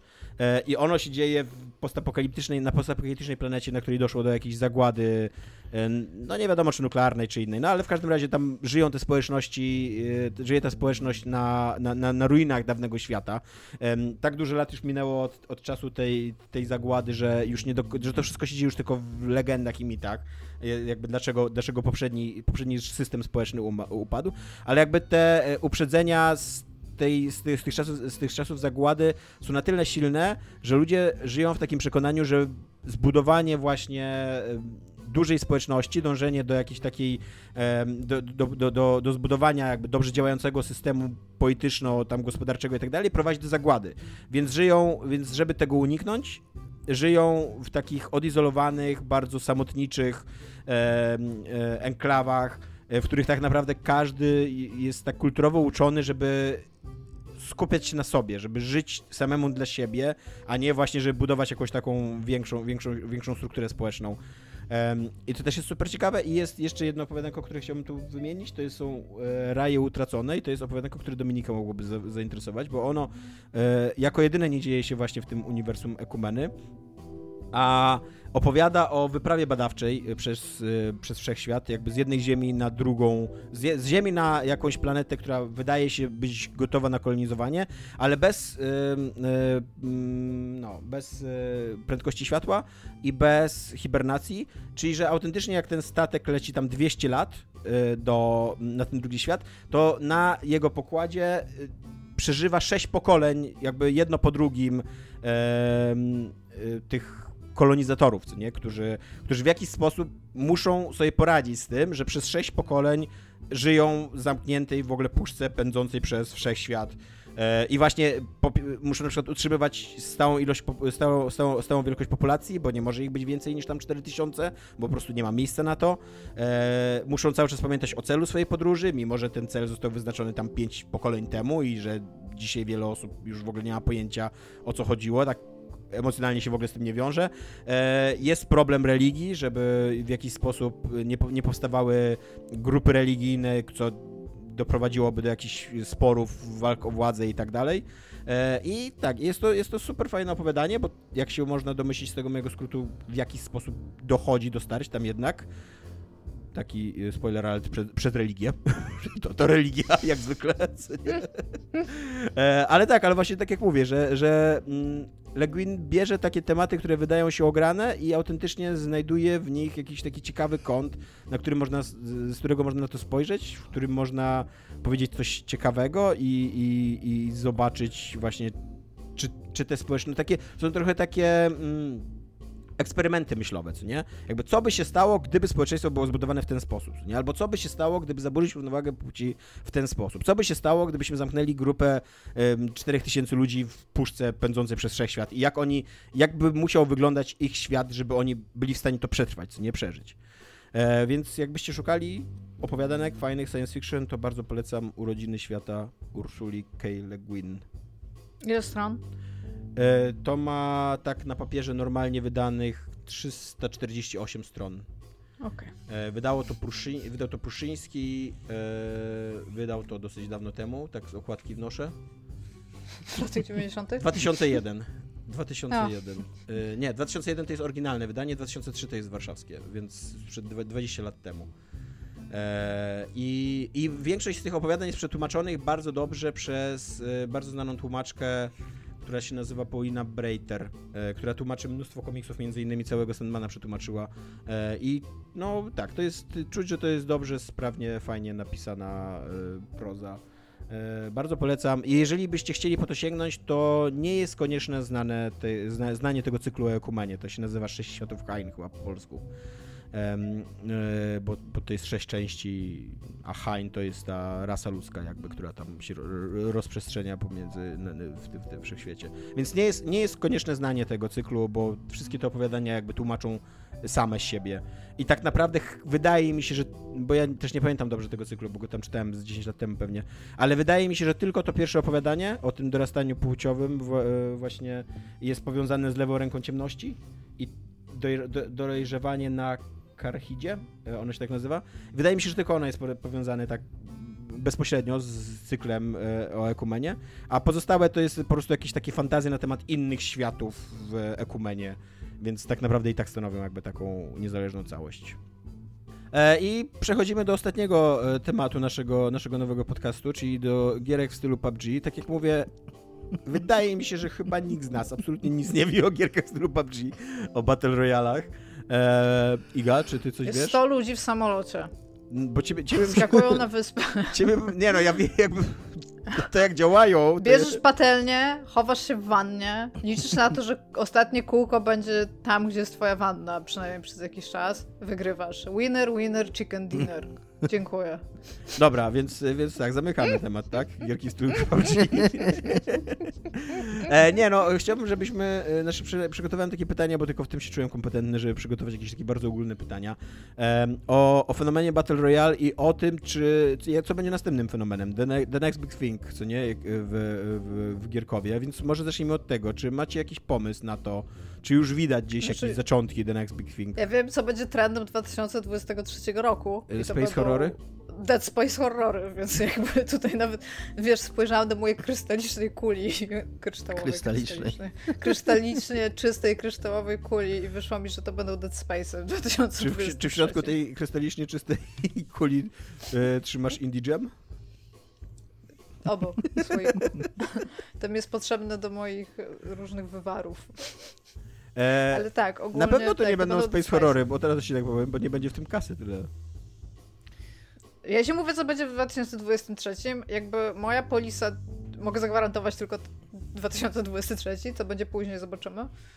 Znaczy, prawie na pewno, jeżeli to coś będzie, to będzie coś e, multiplayer wieloosobowego. Tak.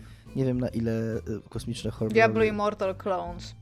Na ile kosmiczne horrory się nadają do tego? Chyba nie bardzo. E, więc, więc to nie będą kosmiczne horrory. W Dead A- Space 3 był koop, nie? Był, tak. I No ale był- koop, to bardziej to, to będzie Chyba coś... ta gra była e, krytykowana za to bardzo. Ta gra To w ogóle będzie była coś- bardzo krytykowana. To będzie coś albo esportowego, z potencjałem esportowym, albo coś z takim potencjałem MMO slash shared world. Czyli Może, aczkolwiek ja mam takie wrażenie, że jakby ja rozumiem skąd ty tutaj mówisz. Widzę twoje stanowisko, jakby spoko. Ale jeżeli weźmiesz pod uwagę te wszystkie wielkie hity, które tam po Battle Royale były, czyli na przykład Fall Guys, jakby nikt już chyba nie pamięta o, o Fall Guysach. W sensie domniemam, że bardzo dużo ludzi wciąż gra w Fall Guys. Miliony tak? ludzi gra w Fall Guys, no właśnie. Tak, ale jakby to przestało być, jakby tak krytycznie przestało być relevant, nie? A pamiętam, jakby, że jak wyszło Fall Guys, to wszyscy chcieli robić nowych Fall Guysów. Był taki moment. Więc musieliby wymyślić coś zupełnie nowego. W sensie tak Albo literalnie dzieci- nowego, albo kolejne Call of Duty. albo dzieci odkryją gry narracyjne. Albo wsadzić do FIFA broń palną. Chciałbyś, Dominik, co? Chciałbyś, żeby dzieciaki odkryły gry narracyjne i nagle wszyscy by robili dookoła gry Przygodówki. narracyjne. I... Mhm. Przygodówki, Przygodówki w ogóle, tak. O, to To jest trend, który Dominik widzi w 2024, bo 2023 to będą space horrory. Czekam na... Nie wiem, czy mogę o tym mówić, ale co tam. Yy, Tomkowi mówiłem, że czekam w kolejce na wywiad z Ronem Gilbertem. Gdzieś tam wpisali na listę. Zadajmy Jeżeli pytanie, dlaczego to- gra jest tak, taka brzydka. Zobaczymy, jak długo będzie trwała ta rozmowa. Nie, z, spytaj się go, czy jest patologicznym kłamcą. Wow. Wow, w ogóle. Wow. A dlaczego miałoby być patologicznym kłamcą? Bo tu chyba... No, to najlepszy wywiad, jaki w życiu czytałam giereczkowy z A. Peterem Molinie, zaczyna się od, czy jesteś patologicznym kłamcą, więc jakby ja bym zaczynała tak teraz wszystkie wywiady, to, bo może też by mi się udało taki dobry. A, zrobić. a, a nóż złapiesz kogoś, to odpowie tak. Tak, no. I dalej to już leci. Już leci dobry wywiad. Nie, to, to tylko tyle chciałam, dziękuję. Dominik, czy ty masz jakiś pomysł na y, The Next Big Thing? Mm. Tak poza grami No. narracyjnymi dla dzieciaków, co się nie wydarzy? 60-godzinne Tak. tekst heavy, gry izometryczne. To jest to, jest to co te, te, młodzież tego teraz chce. Nie? Najlepiej, Nie no. najlepiej jeszcze takim napisanym ładnym, literackim językiem, y, z Mhm. pogłębionymi postaciami, różnorodnością Tak, i tak dalej. Tak. Yy, chciałbym powiedzieć, że to nie będzie mm, NFT, bo to nie będzie NFT. Mm, A przynajmniej wszyscy chcielibyśmy, żeby to nie było NFT. Ale mam wrażenie, że to będzie coś w tym NFT. kierunku. Coś w tym kierunku. To znaczy coś, yy, co, coś, yy, że, że komuś się uda wmówić yy, dzieciom, w cudzysłowie, czy też no, mniej doświadczonym odbiorcom gier wideo, fanom gier sieciowych, że na ich grze można w cudzysłowie zarobić jakieś pieniądze. y, i że, i że no to będzie to oczywiście jakiś scam, będzie to oczywiście jakaś piramida finansowa, jak wszystkie takie rzeczy i że zarobi oczywiście kasyno na tym wszystkim. Mm, ale jakby cała, cały, cały ten szum i całe to, to, ile się udało w ogóle paru ludziom, tam dosłownie, e, zarobić na tym NFT, właśnie wmawiając innym, że, że, że, ich, że, że, że na tym się daje zarobić, tak? Czyli oszukujesz wiesz, mnóstwo ludzi, tysiące, miliony ludzi, że, że coś jest, y, coś może się zakończyć dla nich potencjalnie mm, zarobieniem pieniędzy, więc oni w to ładują swoje pieniądze, no i ty tam z paroma kolegami wyjmujesz tą kasę. I to się nazywa Pyramid Scheme chyba, co? Tak, tak, tak. I wydaje mi się, wydaje mi się, tak, piramida finansowa. I wydaje mi się, że kolejny wielki trend yy, growy to jakby gracze się już nauczyli, że, że NFT to jest coś śmierdzącego i ciężko jest przepnąć NFT, ale to się jakoś opakuje w jakiś nowy cukierek, znaczy jakiś nowy cukierek, jakiś nowy yy, sreberko, to gówno się opakuje i się sprzedaje, wszyscy będą jedli i będą się uszy Ja bym chciała zrobić taki, e, taką gwiazdkę do tego, co ty powiedziałeś, e, Dominik, że to będzie coś multi i to będzie coś esportowego. esportowego. Mi się wydaje, że nawet nie, mi się wydaje, że to będzie coś, co będzie bardzo fajnie można streamować. O, może tak. Że to nawet nie będzie musiało być stricte multi, ale że, e, że to będzie coś, co będzie na tyle ciekawe do streamowania, że wszystkie te duże nazwiska jakby zaczną to streamować. I być może to będą, tak jak powiedziałeś, tekst heavy, e, grafik slow, gry narracyjne. Tylko, że... Może, może, nie, nie mówię nie, jakby mówię być Tylko, może, że... że tak. Ja mówię nie, ja mm. mówię, to nie będzie to. E, być może... Nie no okej, okay, krok w tył, nie powiem tego, bo to nie powiedz, dotyczy mnie. Powiedz, no. Nie, nie. Powiem inaczej. Bardzo wiele firm tworzących gry wideo chciałoby znać odpowiedź na to pytanie, które Tomek zadał. Co będzie następne? Jakby, Dlatego nie, Bo każdy chciałby, chciałby, to, chciałby, każdy chciałby tak. to wiedzieć wcześniej. I wszystko, co my zrobiliśmy tutaj, yy, każdy z nas, odpowiadając na to pytanie, to było próba jakiegoś takiego ekstrapolowania przyszłych trendów yy, przez patrzenie na przeszłe trendy. Czyli dotychczas wiele gier osiągnęło sukces, bo streaming, więc Iga mówi, będzie streaming. Ja, do, z mojego punktu widzenia gry osiągnęły sukces wielki, bo tam były sieciowe, bo LOL, bo, bo PUBG, więc następna gra będzie też sieciowa i sportowa, jak tam, nie wiem, e, Overwatch, nie? Mm, natomiast też jakby zasadniczą cechą takich wielkich, e, wielkich rewolucji, wielkich trzecich ziemi jest to, że są dys, dysruptywne, nie wiem jak to powiedzieć po polsku, disruptive, takie mm, jakby wstrząsają trochę wszystkim tym, co się, co się dzieje i robią coś kompletnie innego, więc yy, przypuszczam, że no, następny trend jakby nie jesteś w stanie go przewidzieć, bo on Być będzie może następny większy, wielki trend w grach wideo będzie polegał na tym, że to nie będą w ogóle gry wideo. Tak. Elden Ring like. Tak. E, ja, e, Dominik już podsumował moją odpowiedź, mimo że jeszcze nie odpowiedziałem. Szybko tylko dopowiem. Mi też się wydaje, że to będzie coś związanego z NFT, tylko że e, nie nie jako NFT normalnie rozumiane jako NFT, tylko jakby wydaje mi się, że Battle Royale pokazał, że sprzedaje się, jest atrakcyjna taka wizja jakiegoś twojego jednostkowego, ciebie, budowania stawki, co nie? Ciebie jako jednostkowego człowieka, który wygrywa w dużym meczu i, i to jest ważne, nie? Jakby to taka jakby jakby twoje, twoje osobiste osiągnięcie i że y, może, mo, może gry wideo pójdą w takim kierunku, że właśnie, że będziesz miał jakąś taką własność swoją w tej grze, właśnie to jest trochę takie śmierć takim NFT, co nie, że, że będziesz miał swoją własną postać, która autentycznie będzie niepowtarzalna, będzie należała w jakiś sposób do ciebie, pewnie, chociaż tak naprawdę pewnie w ogóle nie będzie należała do ciebie, będzie tak, co nie, um, ale wiecie, jakby, że, że będziesz miał fragment gry wideo, um, który będzie twój, który będziesz uważał za swój, o tak. E... Albo będzie 100 samolotów. Albo tak. I jeden, jeden człowiek zrzucany z niego. Jeden człowiek, który wyskakuje z jednego z tych stu samolotów. Tak, tak też może być. Chociaż pewnie tak nie będzie.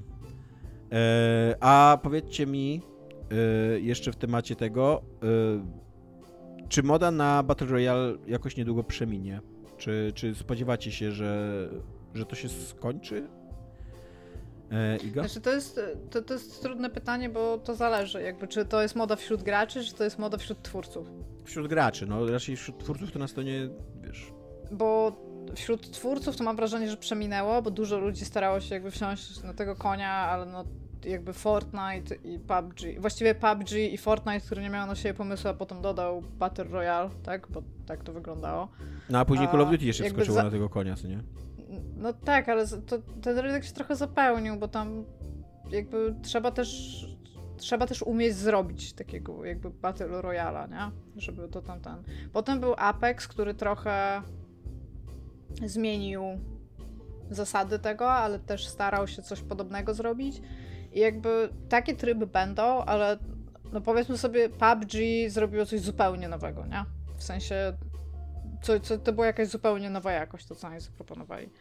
A, więc wśród graczy mi się wydaje, że, że ta moda szybko nie minie, bo po prostu jak grasz w PUBG, to grasz w PUBG. To jest kropka. A twórcy mi się wydaje, że już są trochę tym zniechęceni, bo już nie możesz wziąć wszystkich pieniędzy jakby, tylko to, to też jest rzecz, którą trzeba non-stop wspierać, nie? To nie jest taki...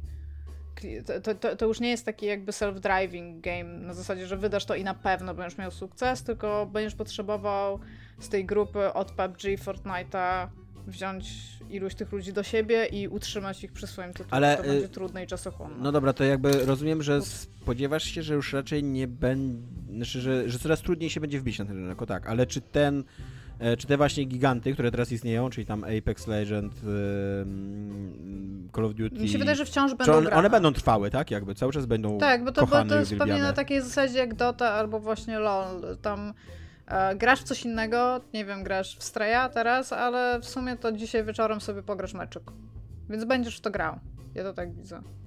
Dominik, jakieś myśli na ten temat? Mm, tak, znaczy nie, nie, mam, nie mam jakichś dodatkowych myśli. Ja trochę, jak, jak czytałem to pytanie, to trochę mm, miałem takie wrażenie, że czy to już się nie wydarzyło, czy to już nie minęło, bo mm, szczególnie w prasie growej i w takich podcastach jak nasze jest tendencja do zajmowania się tylko najnowszą rzeczą. To znaczy wszystko, co żyje, żyje tylko i wyłącznie tak długo, do momentu, kiedy się następna wielka rzecz pojawi i jak się następna wielka rzecz pojawi, o której się mówi, taka jak na przykład NFT, to te wszystkie poprzednie natychmiast umierają, wszyscy przestają w to grać, to jakby zainteresowanie spada do zera. Mm, tak nie jest i tak jak właśnie udowodniły wszystkie te Doto lajki, czyli Dota 2 i i League of Legends, mm, wszystko dąży do systemu dwupartyjnego, prędzej czy później, więc mamy Dota i Lola, mamy Warzone'a i Apex Legends, i PUBG, i Fortnite'a, więc cztery, ale jest to wielokrotność dwójki, więc na jedno wychodzi. Bardzo szyję teraz, jak mogę. E, w każdym razie, w każdym razie e, takie, ta- takie wielkie trendy są zbyt wielkie, żeby odejść, więc e, będą ludzie grali w PUBG i w Battle Royale, tak jak grają w mm, Fall Guysów cały czas, e, ale kolejna wielka rzecz będzie już czymś zupełnie innym. Tak myślę. Dobra, i ostatnie pytanko, które z takich gamingowych łód przeszłości wspominacie e, najlepiej, a którą najgorzej? Ja może zacznę od odpowiedzi. Najgorzej wspominam e, mroczne, współczesne shootery z e, obowiązkowym multiplayerem, bo pomimo, że, że, że lubię i gram w te gry, to one były straszliwie mało pomysłowe, a, a po sukcesie Call of Duty e, czwórki Modern Warfare chyba każda gra, k- każda firma produkująca jakieś shootery musiała mieć gritty, mrocznego shootera e, i tam mm, Gears of Warsy i Battlefield i, i, i tak dalej, wszystko to było mroczne, szare, ponure e, i no i takie nieciekawe. E, I bardzo źle to wspominam, jakby to mm, takie nagłe pozbawienie się w ogóle całej palety kolorów e, i całej, całej palety opowieści i historii, jakie można opowiadać w, nawet w takich, kurde, e, konserwatywnych gatunkach jak strzelani, strzelanka, to no jednak można coś temu powiedzieć, a, a, a nagle chyba tam na jakieś 7-9 lat pozbawiliśmy się tych wszystkich historii i po prostu każdy chciał zrobić kolejne Call of Duty Modern Warfare, nie? I, i, i to było najprostsze. Iga? Open worldy. Fakt, że każda gra w pewnym momencie musiała być open worldem. To jeszcze niedawno to było, chyba zresztą trochę jeszcze pokutuje, tak szczerze mówiąc. No i właśnie mam taką nadzieję, że Elden Ring już jakby to przekreślił. Jeszcze będzie taka czkawka tych gier, które były robione w trakcie tego, kiedy Elden A Ring czy wyszedł. Elden Ring nie pokazał po prostu jak zrobić dobrego open worlda i teraz wszyscy nie będą się starali stworzyć, wiesz, kolejnego Elden Ringa? No, jeżeli tak będzie i jeżeli będą się starać literalnie zrobić kolejnego Elden Ringa, to spoko. Jakby formuła Ubisoftowych open worldów i w ogóle open worldy się przyszarły. W Elden Ringu ten open world miał sens. Bo mogłeś go też totalnie osrać i sobie po prostu pójść. I to jest spoko. I nie ma miliona cutscenek, patrzę w twoją stronę Horizon. No i przy okazji to był open world, to jest takie... Ludzie mogą się starać, ale ludzie mogą bardzo powierzchownie e, skopiować to, co zrobił Elden Ring i wtedy to nie wyjdzie.